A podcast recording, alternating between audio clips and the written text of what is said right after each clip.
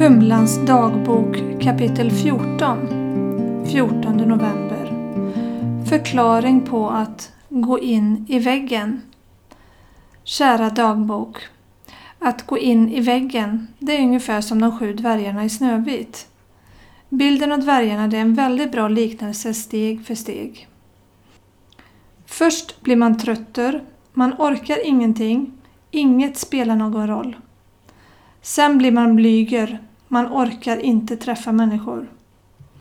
Sen blir man butter, ledsen, dämpad och arg på allt.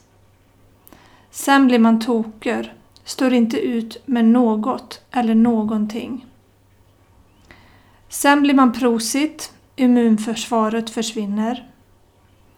Sen blir man kloker, man börjar omvärdera livet och man ser livets mening igen. Till sist blir man glader, man blir stark, man vågar säga nej och man känner glädje igen. Jag känner att jag har legat på klokare en tid nu, men när senaste bakslaget kom gick man tillbaka till de tidigare dvärgarna igen dessvärre. Man vet aldrig vilken av dem som man blir förrän man går upp. Det varierar lite från dag till dag. Mitt mål är att få bli en blandning mellan kloker och glader och få låta det vara så. De andra de har jag inte så mycket för och vill inte ha med att göra. Idag kommer jag inte stressa över saker som jag inte